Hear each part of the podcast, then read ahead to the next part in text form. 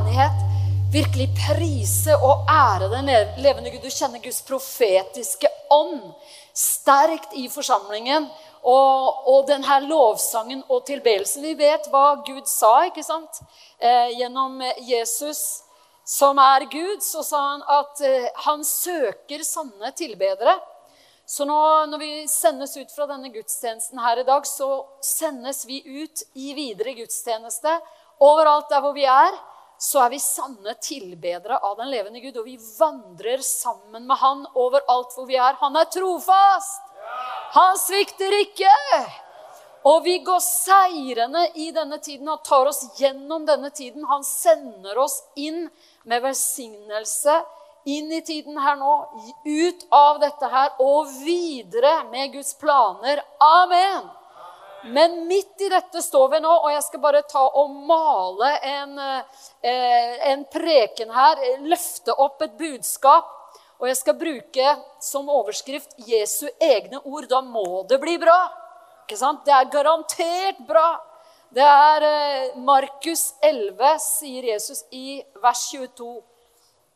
Det her er et sånt eh, ord som veldig mange av oss kjenner. Men la oss bare reise det over våre liv, over vår tid, over den situasjonen vi er i nå. Ha tro til Gud. Amen. Ha tro til Gud. Det er det, vi, det er det, som er vår oppgave. Det er bare å stå i det her og ha tro til Gud. Jeg tror faktisk dette her er et, et så, en så bra linje, et så bra overskrift over, over eh, november måned, desember og inn i 2021. Eh, vi tror at vi når 2021, folkens. Vi skal jo si, hvis Herren drøyer, ikke sant? Eh, men vi tror på at vi skal inn i 2021. Og hva er overskriften? Ha tro til Gud. La oss si det samlet. Det, det er veldig bra hvis det, uh, folk som ser dette på skjerm, hører det drønnet i salen her av det budskapet her. Ha tro til Gud! Amen. Så det er det vi skal snakke om i dag. Det er å ha tro til Gud. Det vil Jesus at vi skal ha. Vi skal ha tro til Gud i enkle situasjoner, ja. I krevende situasjoner, ja. Når det virkelig blir tøft, ja. Vi skal ha tro til Gud. Og det demonstrerte Jesus hele tiden. Han satte alltid sin tro til Gud. Dere, I dag er det farsdag. Og det er jo også spesielt at denne her siste eh, måte, søndagen som vi har sammen her, før vi går eh, inn i det å feire gudstjenester overalt og møtes på skjerm osv., og stå sammen på ulike måter som vi kan, så er det farsdag. Så vi gjør denne dagen her til en sånn markering av Gud, vår far i himmelen. Han har vi tro til. Han er en god far, en fullkommen far. Amen. Så dette, sånn, dette blir en spesiell sånn farsdag, liksom en merkedag den dagen her. Forrige gang det var lockdown, det er ikke lockdown nå, men det er en sånn liksom følelse, noe av det samme. Og da, den gangen der så ante ikke vi. Da sto vi på 8. mars, og så holdt vi en gudstjeneste. Og vi ante ikke at søndagen etter var vi online på gudstjeneste. Men nå vet vi det, så nå vet vi på en måte litt hva vi går inn i. Og nå vet vi hva vi står sammen om. Ha tro til Gud. Så eh, vi skal slå opp i eh, Markus 6. Og så skal vi eh, lese, og vi skal gå gjennom noen situasjoner hvor mennesker virkelig ble utfordret av krevende omstendigheter, men de valgte å ha tro til Gud. Eh, her, er det, her, er det, Jesus som har vært eh, over med båt sammen med disiplene sine. Og eh, han er ved sjøen. Det her står i Markus 6, vers 21. Eh, det her er, eh, er, en situasjon han da kommer ut ifra. Det skjer jo ting rundt Jesus hele tiden. Så han måtte jo gå ut om natten stort sett hvis han skulle få noe tid for seg selv. For det var folk rundt han hele tiden. Til tider var det så mye mennesker rundt Jesus og disiplene hans at han fikk ikke spist.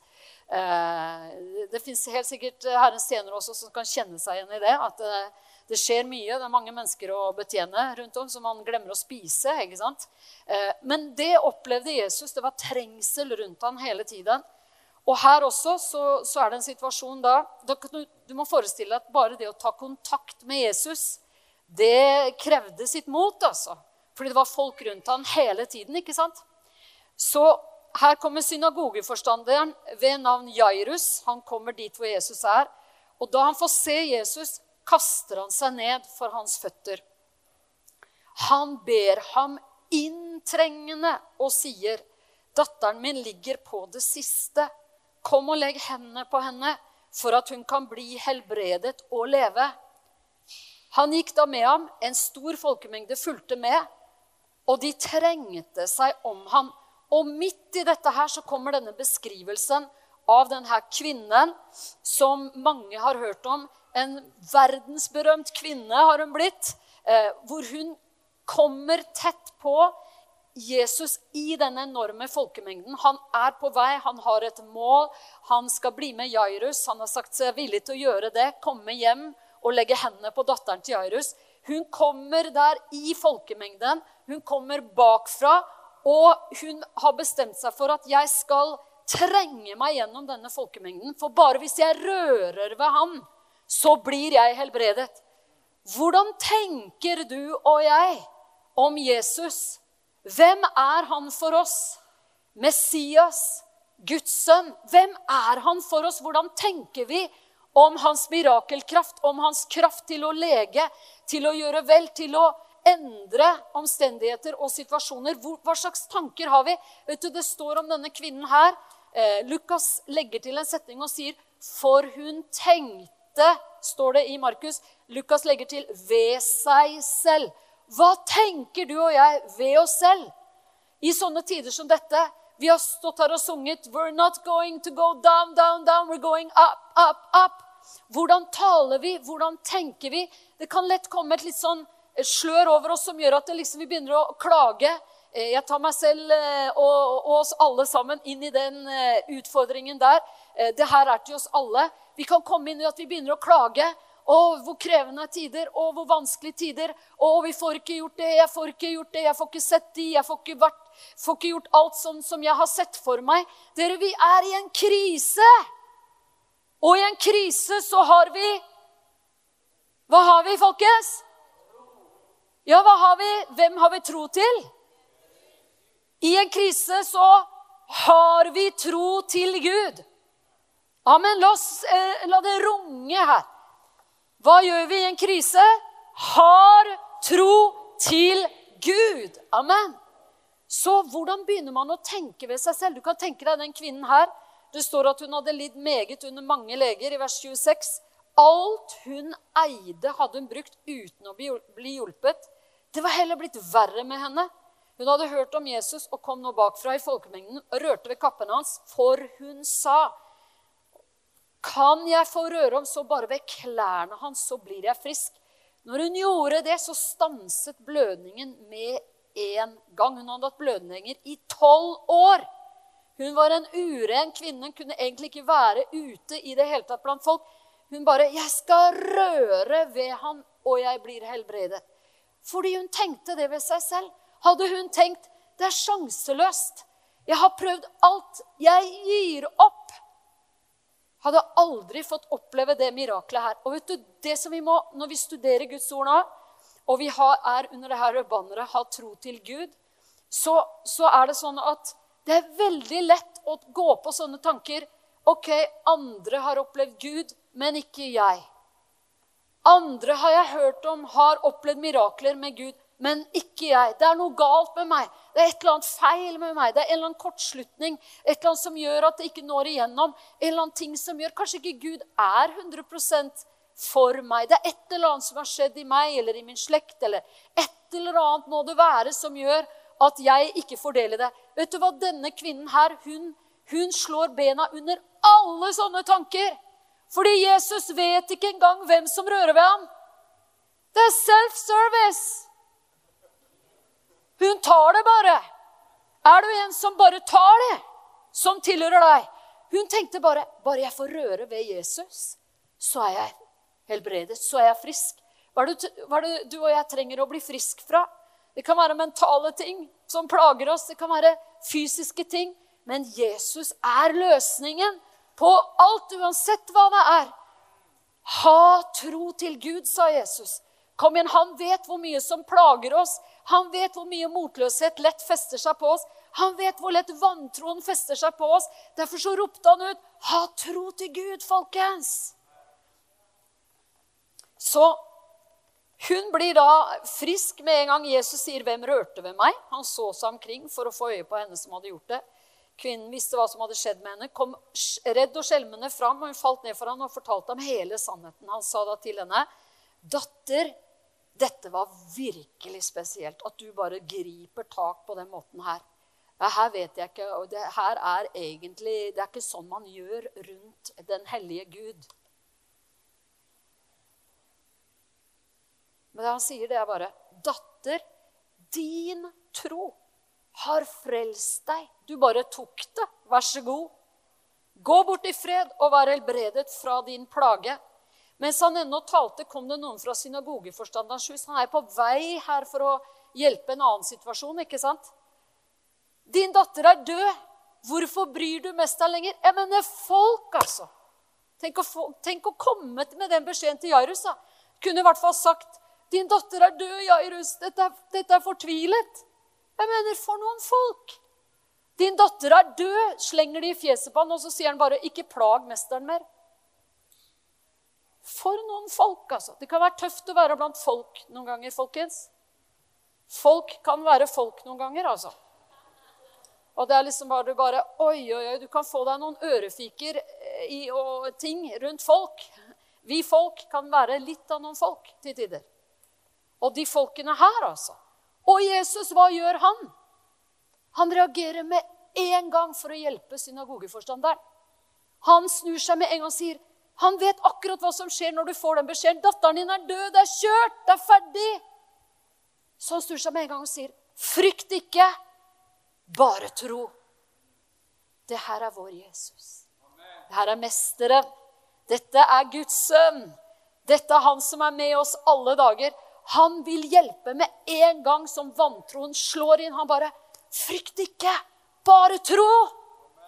Og en av de andre evangelistene legger til 'Så skal hun bli frelst'. Amen. Frykt ikke, bare tro. Kan være noen her som ser deg på skjerm, eller du sitter her.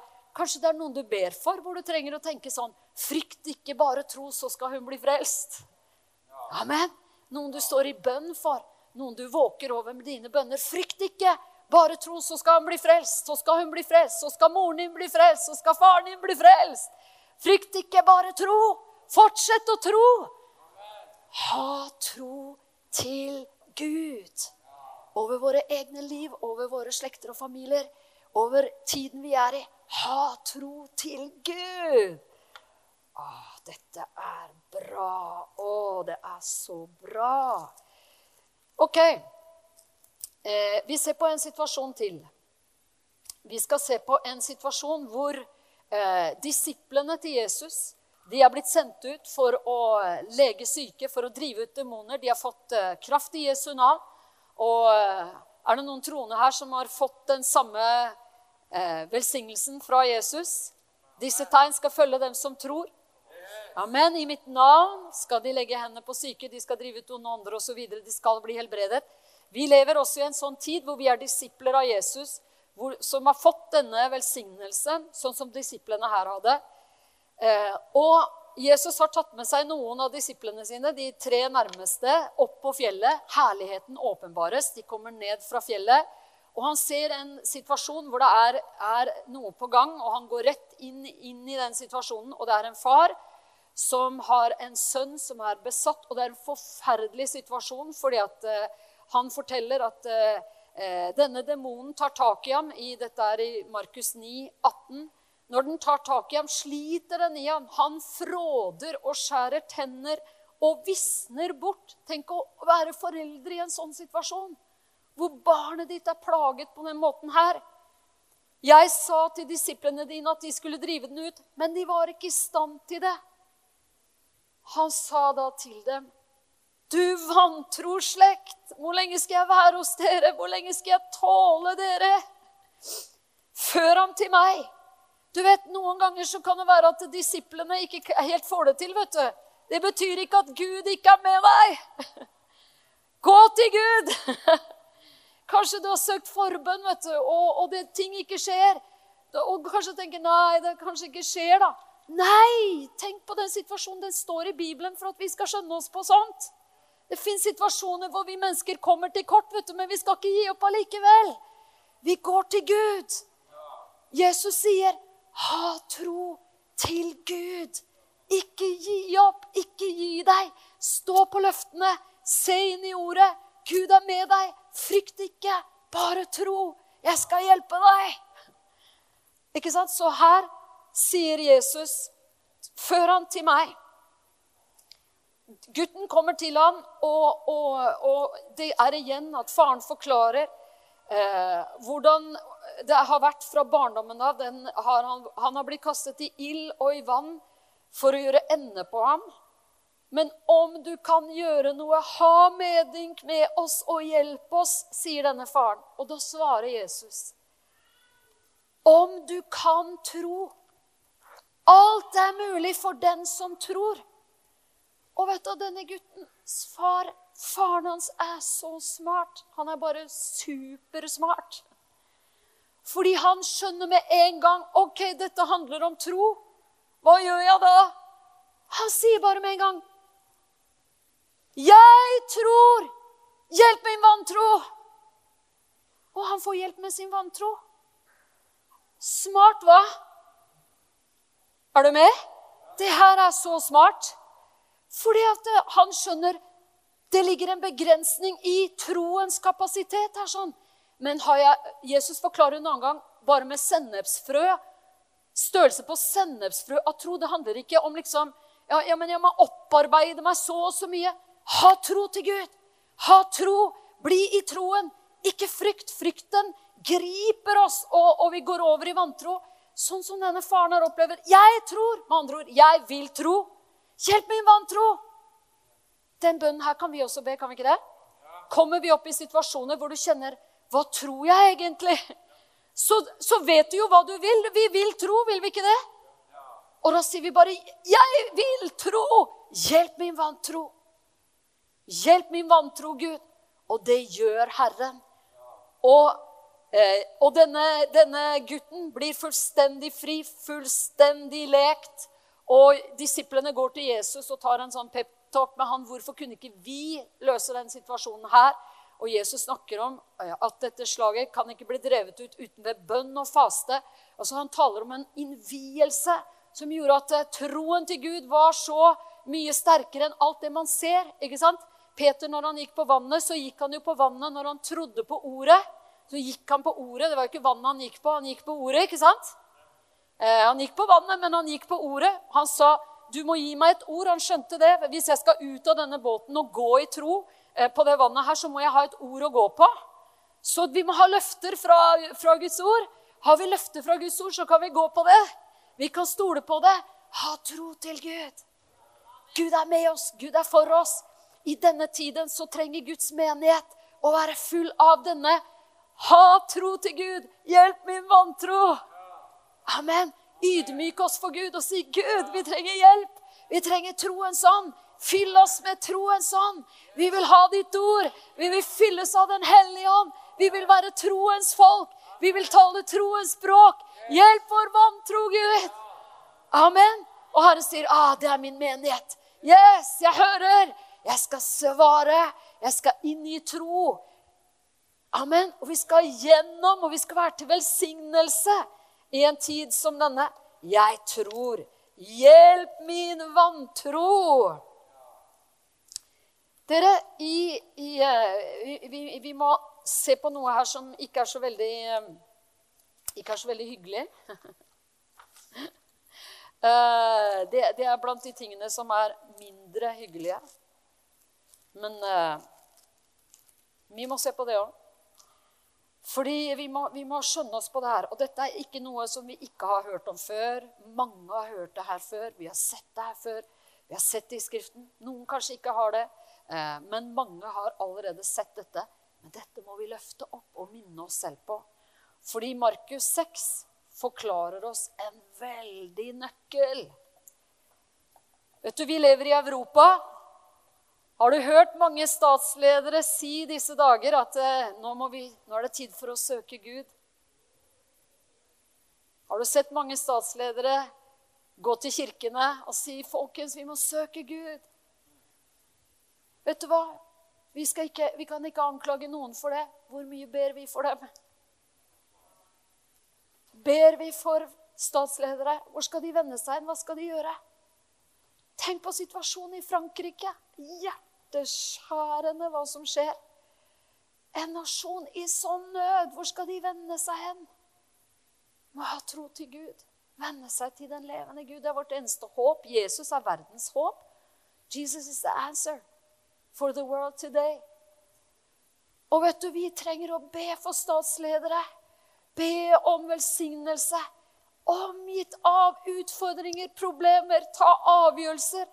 Oppleve en, ta, måtte ta avgjørelser som de vet fører til enorm, enorme økonomiske tap i landene sine. Ta avgjørelser som gjør at de vet at eh, bedrifter går dukken. At de vet at ting, eh, ting, kommer til å skjære seg, ting kommer til å bli vanskelig. De vet at de får reaksjoner. De må ta de tøffe, tøffe avgjørelsene allikevel. Og vi må be for dem at de får bøye sine knær for den levende Gud på kammerset og si, 'Kjære Gud, hjelp meg. Hjelp meg. Hjelp meg, Gud.'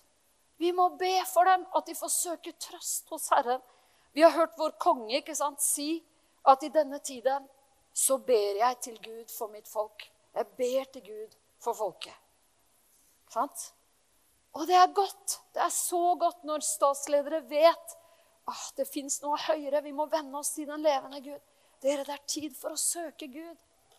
Det er tid for å, for å, for å gå til Gud med vår tids uh, utfordringer og si, 'Gud, hjelp oss. Vi bøyer oss for deg. Vi søker deg. Vi trenger din hjelp. Vi trenger Guds hjelp.' I, i, uh, i Markus 6 så, så, ser vi en situasjon hvor For det er så stor forskjell på hvordan vi reagerer. Han, eh, han, går til sitt hjemsted, står det. Da vet vi vi er i Nasaret. Og disiplene hans fulgte ham. Og da det ble sabbat, så begynte han å lære i synagogen. Mange som hørte ham, ble meget forundret og sa, 'Hvor har han dette fra? Hva er det for en visdom som er gitt ham?' og slike kraftige gjerninger som skjer ved hans hender? Er ikke dette tømmermannen Marias sønn, bror til Jakob, Joses, Judas og Simon? Og er ikke søstrene hans her hos oss? Hmm. Og de tok anstøt av ham. Jesus sa til dem, en profet blir ikke foraktet andre steder enn på sitt hjemsted, blant sine slektninger og i sitt eget hus. Og han Og dette her er så forunderlig.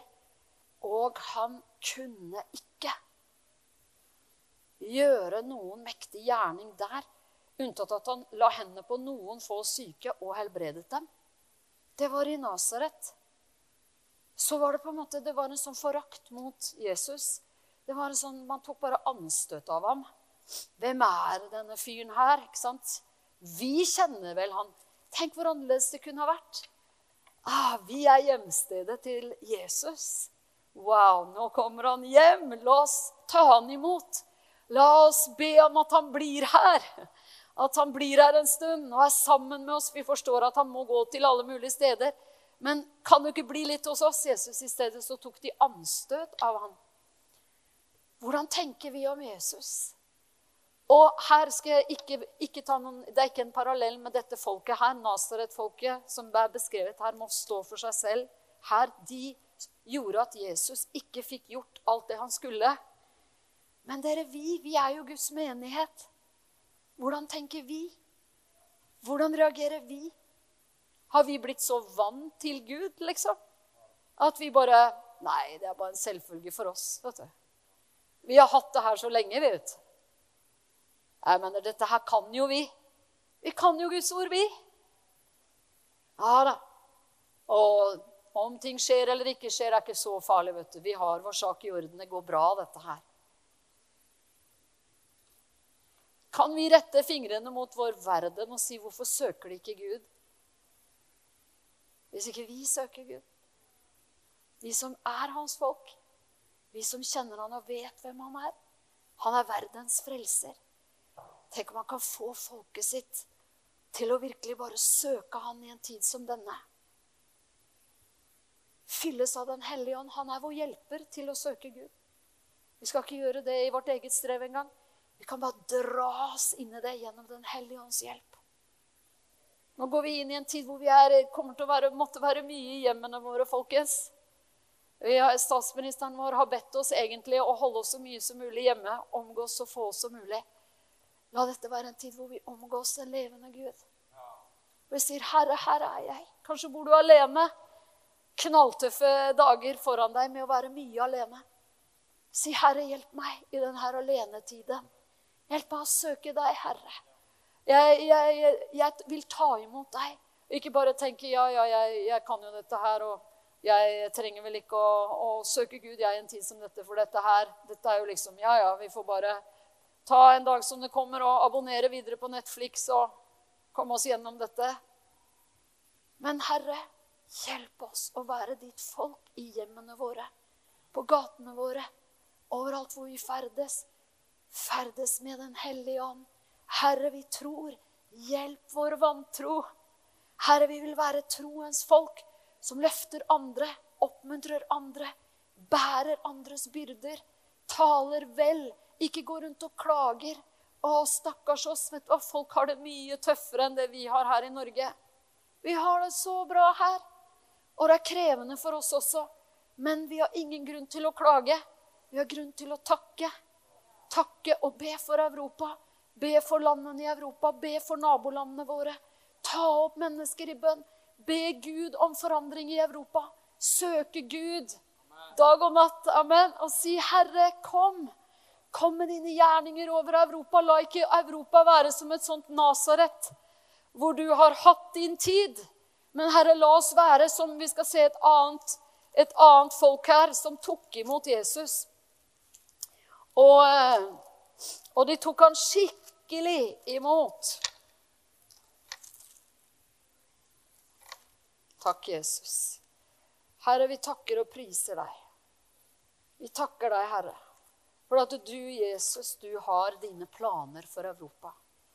Vi skal se dette kontinentet her fullstendig forvandlet. Vi skal se Guds rike komme og hans vilje skje. Amen.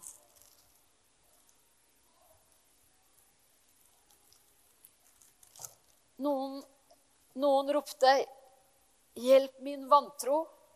Noen tok anstøt og bare skjøv han bort. Hva er det greiene her? Selv ikke de som skyver ham bort, er han imot. Jeg har vært en sånn som skjøv han ut av mitt liv. Han etterjaget meg med sin godhet og sin kjærlighet og likevel Det er sånn Gud er. Gir ikke noen opp. Takk og lov. Han gir ikke noen opp. Folk som har fått et hav av sjanser. Han bare fortsetter, og han fortsetter, og han fortsetter. Faktisk er det sånn at alle du og jeg omgås, de er under hans arbeid for at han ønsker å nå dem. Alle vi møter på trikkene, bussene, alle vi ser med munnbind om dagen. Alle vi er midt blant. La oss være fulle av nåde og godhet rundt omkring. Blir, det blir mye frykt av sånne tider som vi er inne i nå. Frykt ikke, bare tro. La ikke frykten gripe tak i oss. La troen fylle oss. Ha tro til Gud. De får være med og være til velsignelse i en tid som denne. Nå skal vi se hvordan man kan ta imot Jesus. Hør på det her. Tenk om Europa Se for deg Europa sånn som det her. Se for deg ditt eget hjerte. Mitt, jeg vil se for meg mitt liv, mitt hjerte, sånn som det her. I, eh, i Markus 6 det, dette er samme kapittelet. Et kapittel vi ser hvor de forkastet ham. Og så blender, blar vi bare om og kommer til vers 53. Så står det Da de hadde krysset sjøen, la det til ved Genesaret-landet og fortøyde der. Og da de steg ut av båten, ble han straks gjenkjent. Vet du hva folk gjorde når de gjenkjente Jesus i den situasjonen her? De løp omkring i hele nabolaget Og de dro ut folk som var syke. De tok med seg sengene. De bar folk i senga deres. Kan du se for deg at du, det, det, er, det, er, den riktige reaksjonen når Jesus when Jesus is coming to town. altså. Det er liksom, altså De løp inn i husene, tok ut alle som var syke. De som ikke kunne gå ut selv, de bar dem ut i sengene deres. Dit hvor de hørte at Jesus var. Se for deg det her, da. Så løper de til det stedet, så hørte de Jesus var der, men han gikk jo omkring hele tiden. Så da tok de senga og løp til neste sted. Og nei, nå har den gått derfra. Da løp, Se for deg den gjengen som løper rundt med senger. Det er troen sånn. Det er den derre barnslige, barnlike troen. Gud, du som helbreder syke, hjelp oss! Du som kan alt, du som er den levende Gud. Hjelp oss! De, de, de, de her, altså. den gjengen her. Tenk, den, det er å ta imot på riktig måte. Dit hvor de hørte Jesus var, hvor han kom til landsbyer, byer eller bygder, la de sine syke ut på torgene. De stedene i, i det her Genesaret-landet, hele området der, så var det hvis han kom til en by, så tok de de syke og la dem på torget. En, en, en bygd, en, en landsby. Så dro de de syke ut på torgene. De ba ham at de måtte få røre om så bare ved minnedusken på kappen hans. Det var det som de hadde sikkert hørt rykte om at denne kvinnen Hun hadde vel spredt det overalt. Det er bare å røre ved kappen hans, så blir du frisk. Og alle som rørte ved ham, ble helbredet. Amen. Alle som rørte ved ham. Du, hvordan Altså, den kanoneske kvinnen Eh, hun, hun, kan dere huske den der kvinnen? Noen av dere husker henne? Hvor Jesus bare sa at jeg kan ikke, jeg, du, du, er ikke inkludert i tidsregningen. Du kommer, du kommer før tidsregningen. Det er, ikke, det er ikke korset, har ikke skjedd ennå. Jeg kan ikke bare strø det her ut til hedningene, for det, det, det, er en annen tidsregning. Den kvinnen der ved tro klarte hun å snu hele tidsregningen. Vet du, det, I Gamle testamentet, vet du åssen de ba i Gamle testamentet? eller? Josva ber at sol og måne skal stå stille, sånn at han vinner kampen. Og det skjer.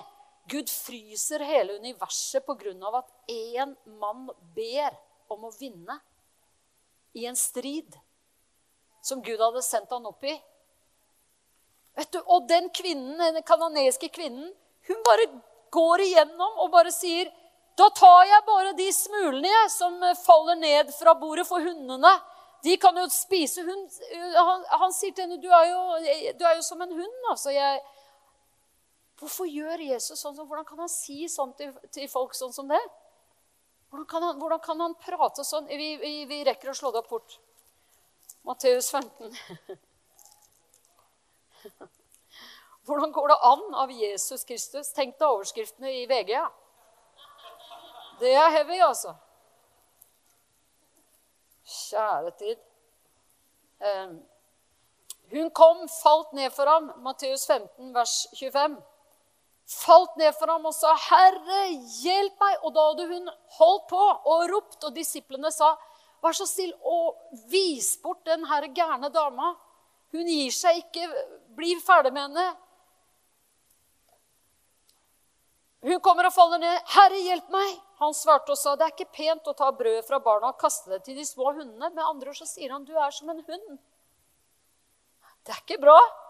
Men det som er med Bibelen, vet du Vi vet jo ikke, vi ser ikke ansiktsuttrykket til Jesus der. Ikke sant? Vi hører ikke stemmen hans. Det er ikke litt sånn 'Ja, jeg kan ikke drive og kaste det her til hundene.' Det er nok sannsynligvis ikke sånn han sa det. vet. Han kan ha sagt det sånn 'Du skjønner at jeg kan ikke kaste det til hundene.' skjønner du. Vi vet ikke hvordan han har sagt det. Vi vet ikke hvordan han har sett på henne. Men det jeg tenker når jeg leser den, det er at han forsøker å egge opp hennes tro. For han skjønner den kvinnen her, skal hun få det som hun vil ha nå, så må hun gjennom en hel tids... Altså hun må inn i en ny tidsalder for å ta det. Hun må, gå, hun må gripe det ved tro så sterkt at hun bare tar noe før tiden og trekker det til seg. Så han egger opp hennes tro. Kom igjen! Han tro til Gud. Amen. Han sier, 'Vet du hva?' Når vi tenker Gud er skaperen. Han har skapt deg. Ikke sant? Han er skaper. Han er allmektig. Gud den allmektige, himmelens og jordens skaper. Skulle noe være for vanskelig for han? Jeg husker når jeg gikk i, Det var sikkert i første klasse eller noe sånt. da. Eh, tenker jeg, Første, andre, tredje, en av de. Så liksom var det skikkelig debatt altså, om Jesus kunne gå på vannet. For det hørte vi om i, kristendomstimen. ikke sant? Eh, Jesus kunne gå på vannet, og det, det, kunne jo ingen tro. Og jeg husker så godt, for det var før eh, vantroen hadde slått innover livet mitt, og jeg hadde blitt en opprører. Så, så, så, husker jeg så godt at jeg bare reiste meg opp og sa at ja, men folkens, han har jo skapt det vannet. Det er vel ikke noe problem å gå på det da? Og det er jo selvfølgelig ikke noe problem. Når du har skapt alle ting. Så altså, jeg mener Alt er mulig for Gud. Han har jo skapt alt sammen. Det er klart alt er mulig for ham. Vet du, Når du hører om altså, enorme mirakler, undergjerninger som har skjedd ved tro Å, Herre, jeg tror. Hjelp min vantro. Før oss inn, Herre, i en tid hvor vi får se dine undergjerninger. Hvor vi får se tusentalls mennesker komme til tro.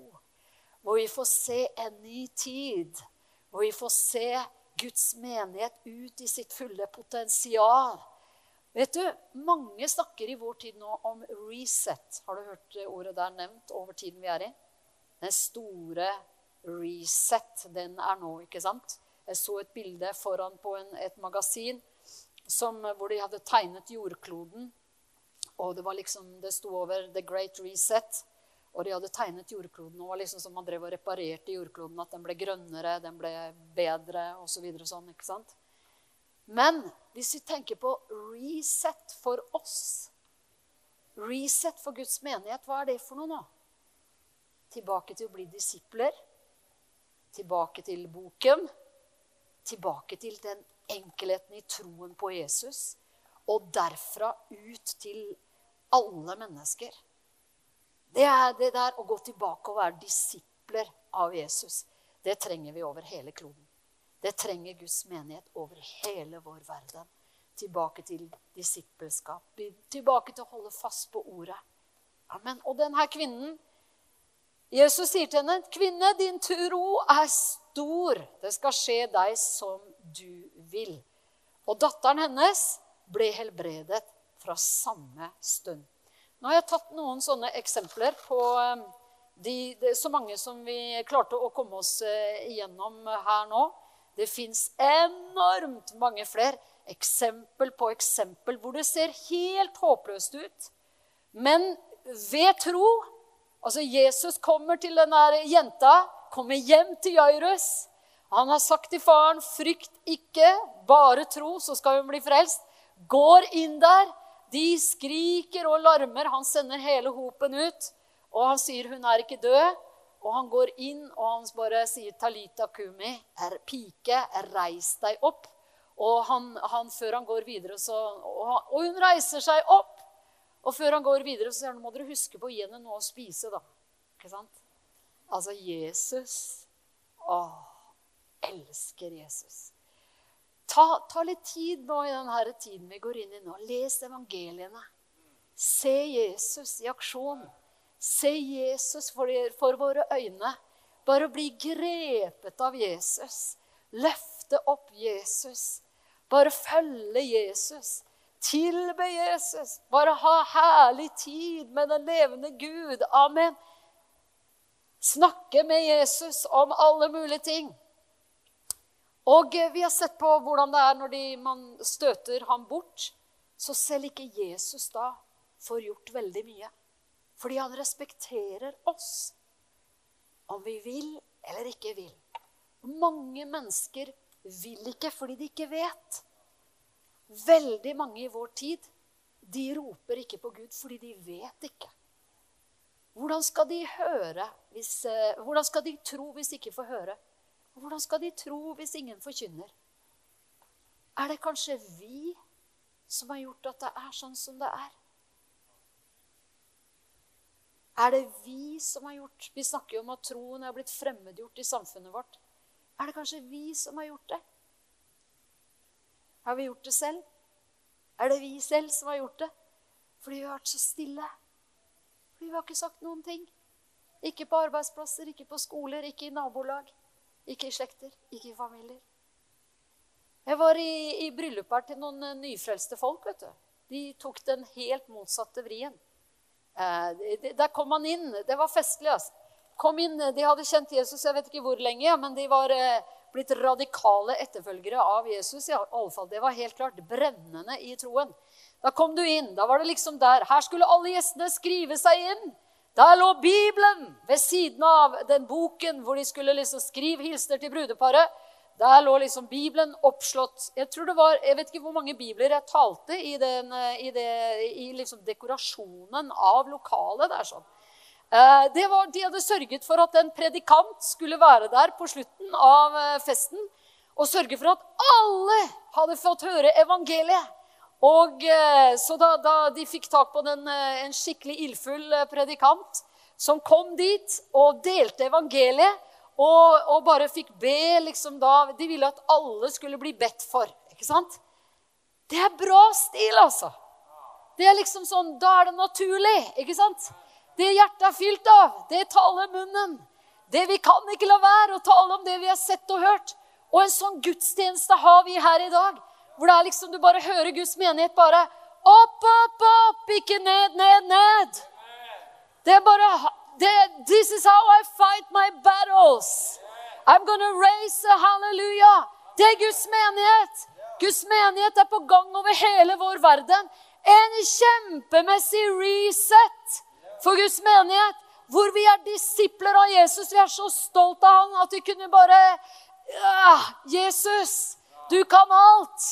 Du er den levende Guds sønn. Vet du hva sier Jesus? Og vi avslutter der i forhold til å lese eh, lese Guds ord sammen der sånn.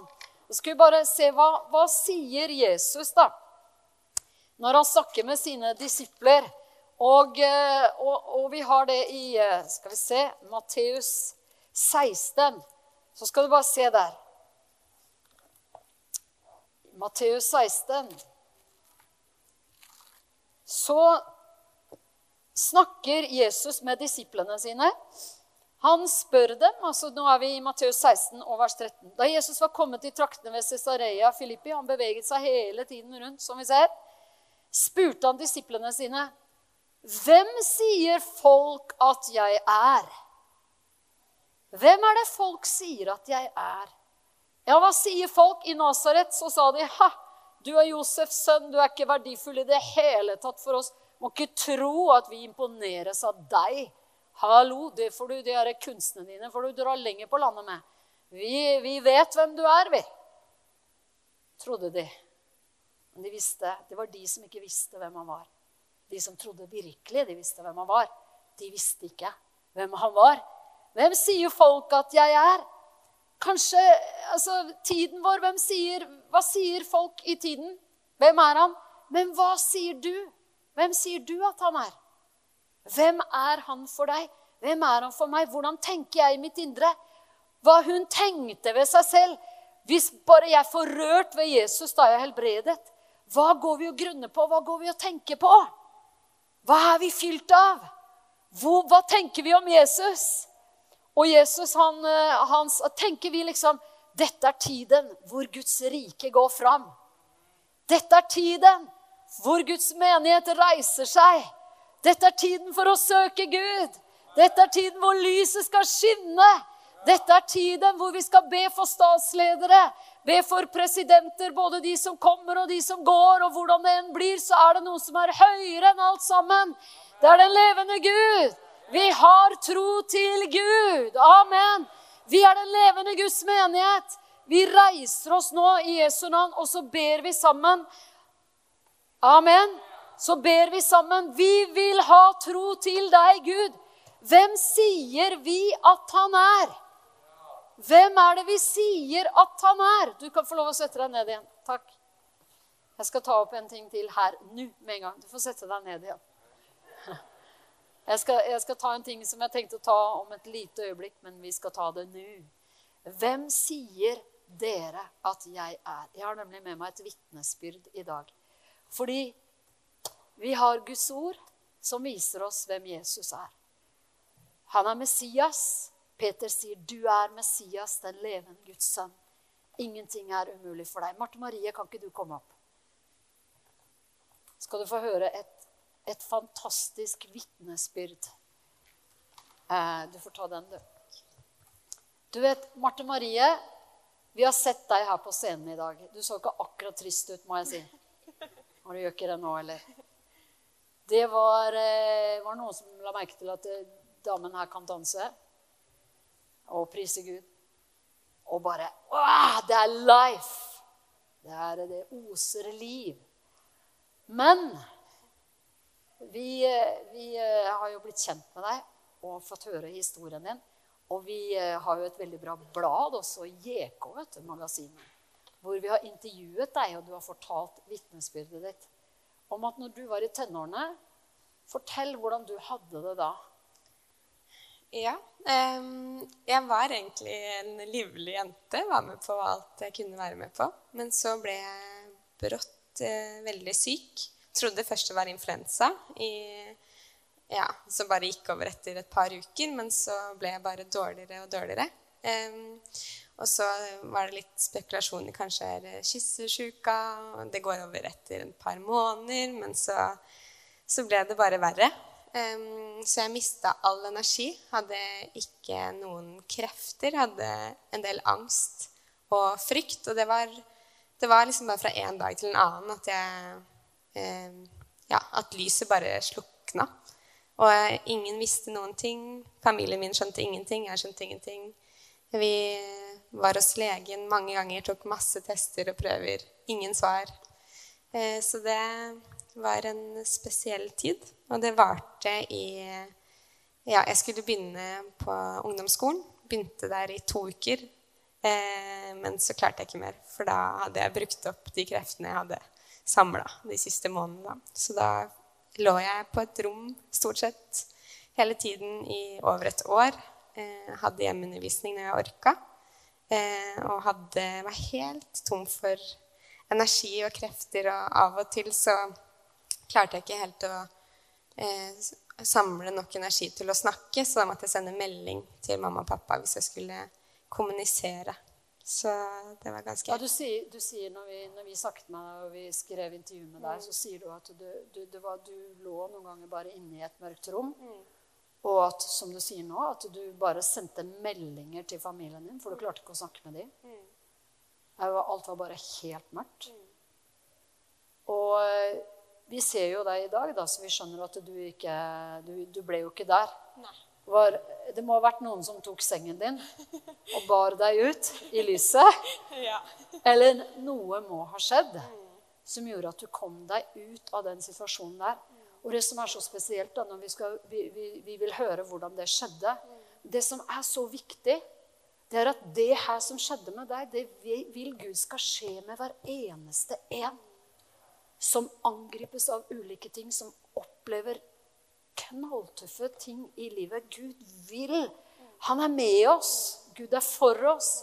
Midt mens du lå der, så hadde Gud en plan om å hjelpe deg gjennom. Så hva var det som skjedde?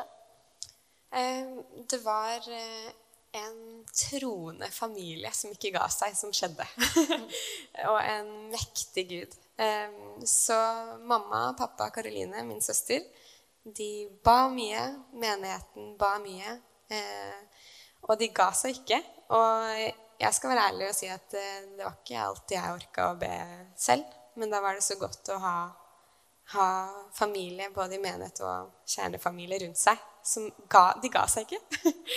og, og, det var ikke en sånn eh, Fra den ene dagen til den andre så ble jeg helbreda momentant. Men det skjedde et skifte når eh, det var en konferanse i Imi-kirka, for vi bodde i Stavanger på den tiden. Det var en konferanse eh, som het 'Catch the Fire'. Og det var bare sånn Ja, bare fokus på helbredelse og Guds kraft. Og jeg hadde jo ikke vært på noe sånn sosial sammenkomst på over ett og et halvt år, så jeg skjønte at eh, det skulle mye til for at jeg orka det. Men jeg bare hadde en sånn indre driv at det skulle jeg. Så jeg ble med på det. Så gikk jeg gjennom en sånn bønnetunnel, og så fikk jeg totalt latterkrampe. Og jeg hadde ikke ledd på Jeg husker ikke sist jeg hadde ledd, men jeg bare klarte ikke å stoppe å le. Og, og, da hadde jeg hatt en sånn klump i magen egentlig i, gjennom hele sykdomsperioden. En sånn angstklump.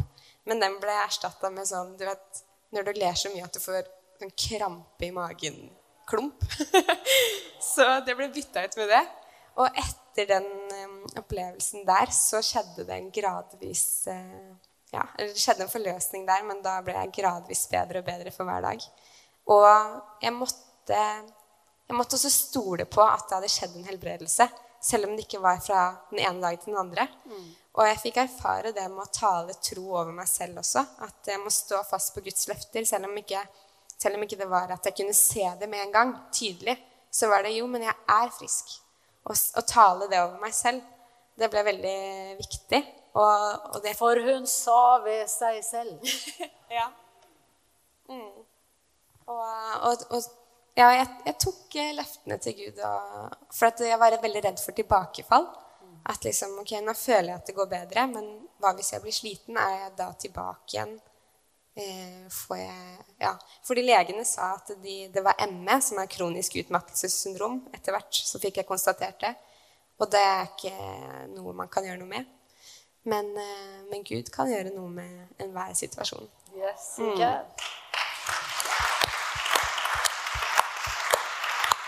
Du eh,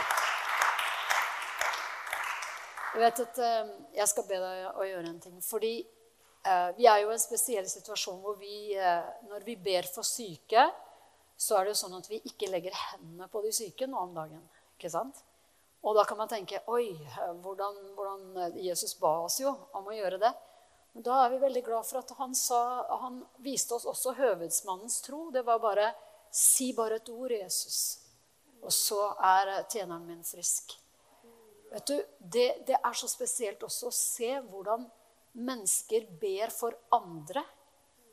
Og deres tro løser ut tro direkte, løser ut velsignelsen rett inn i de andres liv. Det at du hadde en familie sant, som, som, ba for deg, de var sånne som dro deg ut på torget. ikke sant? Jeg kan bare se for meg familien din bare be, be, be, be, be når du dro til det der møtet. ikke sant? Eh, og Herre, nå, nå, nå, nå, må vi ha et gjennombrudd. Så får du gjennombruddet ditt. Og så må du på en måte gå ut i troen på det og praktisere. Og hvorfor, hvorfor skjer sånne ting? Jeg tenker, Der skjer det ting som gjør at Gud vil lære oss tro. Fordi han ville at hvis du ble prøvd på, altså opplevde noe tilbakeslag igjen, som du sa du var redd for tilbakefall, da ville Gud at din tro skulle bli sterk i deg, sånn at du måtte tale det ut over deg, selv om du på en måte hadde det, du visste at du hadde det. Så måtte du si det allikevel, så at du liksom, troen din ble sterk. Sånn at uh, Herren visste kommer hun her, her opp i noe mer nå, så vet jeg at hun står på egne bein. Hun vet at det her fungerer, fordi det er mine løfter som fungerer. Det er jeg, det er ikke den der tunnelen hun var i, som gjorde det her. Det er jeg som gjorde det. Det er Gud, det er din far som gjorde det her. At Gud, Gud vil, for Noen ganger så kan jo Gud bruke sånne ting hvor det er vi får en håndspåleggelse, vi får bønn, vi går i en bønnetunnel, eller sånn som du beskrev det, da, hvor mange står og ba. Men da kan vi, lett, kan vi jo noen ganger knytte da troen vår til feil kilde. Og så kan man bli redd igjen. 'Å nei, nå forsvant det, for nå har jeg ikke den forbønnen.' Eller 'nå har jeg ikke de folka rundt meg.' Eller. Men det ha tro til bønnetunnelen. Ha tro til Gud. Men Gud bruker vår håndspåleggelse. Han bruker det at vi taler ut et ord. Han bruker bønnene våre. Men det er han selv som gjør det, og han vil ha den der personlige relasjonen. ikke sant? Du, Kan ikke du be? Det er også sånn at vi, vi strømmer det her ut. Kan ikke du komme og stå her, og så ber du en bønn? Og hvis du ser det her på, på, eh, på, skjermen din der hvor du er nå, eller man ser det på TV-siden osv., eller du som er her i salen kan vi ikke bare ta imot hvis du trenger forbønn, og du trenger bønn over en situasjon i livet ditt, mentalt eller fysisk, hva det kan være, inn i relasjoner, noe du står oppi, noe krevende, eller at du tenker ah, vi går inn i, eh, jeg, må, jeg må inn i alle eksamener og ha alle hjemmeeksamener, og jeg må lese og jeg må få det til og jeg må klare alt mulig. og Jeg vet ikke hva det kan være, men vi tar imot velsignelse. Ta det inn i situasjonen du er i nå. Ha tro til Gud. Amen. Herre, vi bare priser ditt mektige navn. Ja, vi priser din storhet. Du er allmektig, Herre. Takk, Herre. Ingenting er umulig for deg. Å. Der hvor leger sier at det er umulig, der hvor situasjonen sier at det er umulig, så kommer du og sier det er mulig. Jeg bare priser deg for det, Gud. Takker deg for hvert løfte som i deg er ja og amen. Jeg takker deg for ditt ord, Herre. Jeg takker deg for at vi har alt tilgjengelig i deg, Jesus Kristus. Og vi bare forløser din helbredelse over alle som hører denne bønnen akkurat nå. Om de er hjemme eller her eh, til stede, så bare takker vi og priser deg for at din helbredende kraft bare skal få strømme ut over hver og en akkurat nå. At de skal få ta imot din helbredelse, og at et mirakel skal finne sted i deres liv. Herre, vi bare priser deg allerede fordi at det mirakelet er på vei. Vi priser deg, Herre, for at det ikke er vits å vente og i eh, og være fortvila lenger. Men man kan gå rundt og prise fordi det er allerede gitt. Fordi dine løfter er allerede gitt. Og du har sagt det er fullbrakt. Det er ferdig priser deg, Herre, for at helbredelse vil finne sted i ditt mektige navn, Jesus. Og vi gir ikke opp, vi går i tro, fordi at vi skal ha tro til deg i alle ting. Fordi du svikter aldri. Takk, Herre Jesus, for din helbredelse. Amen.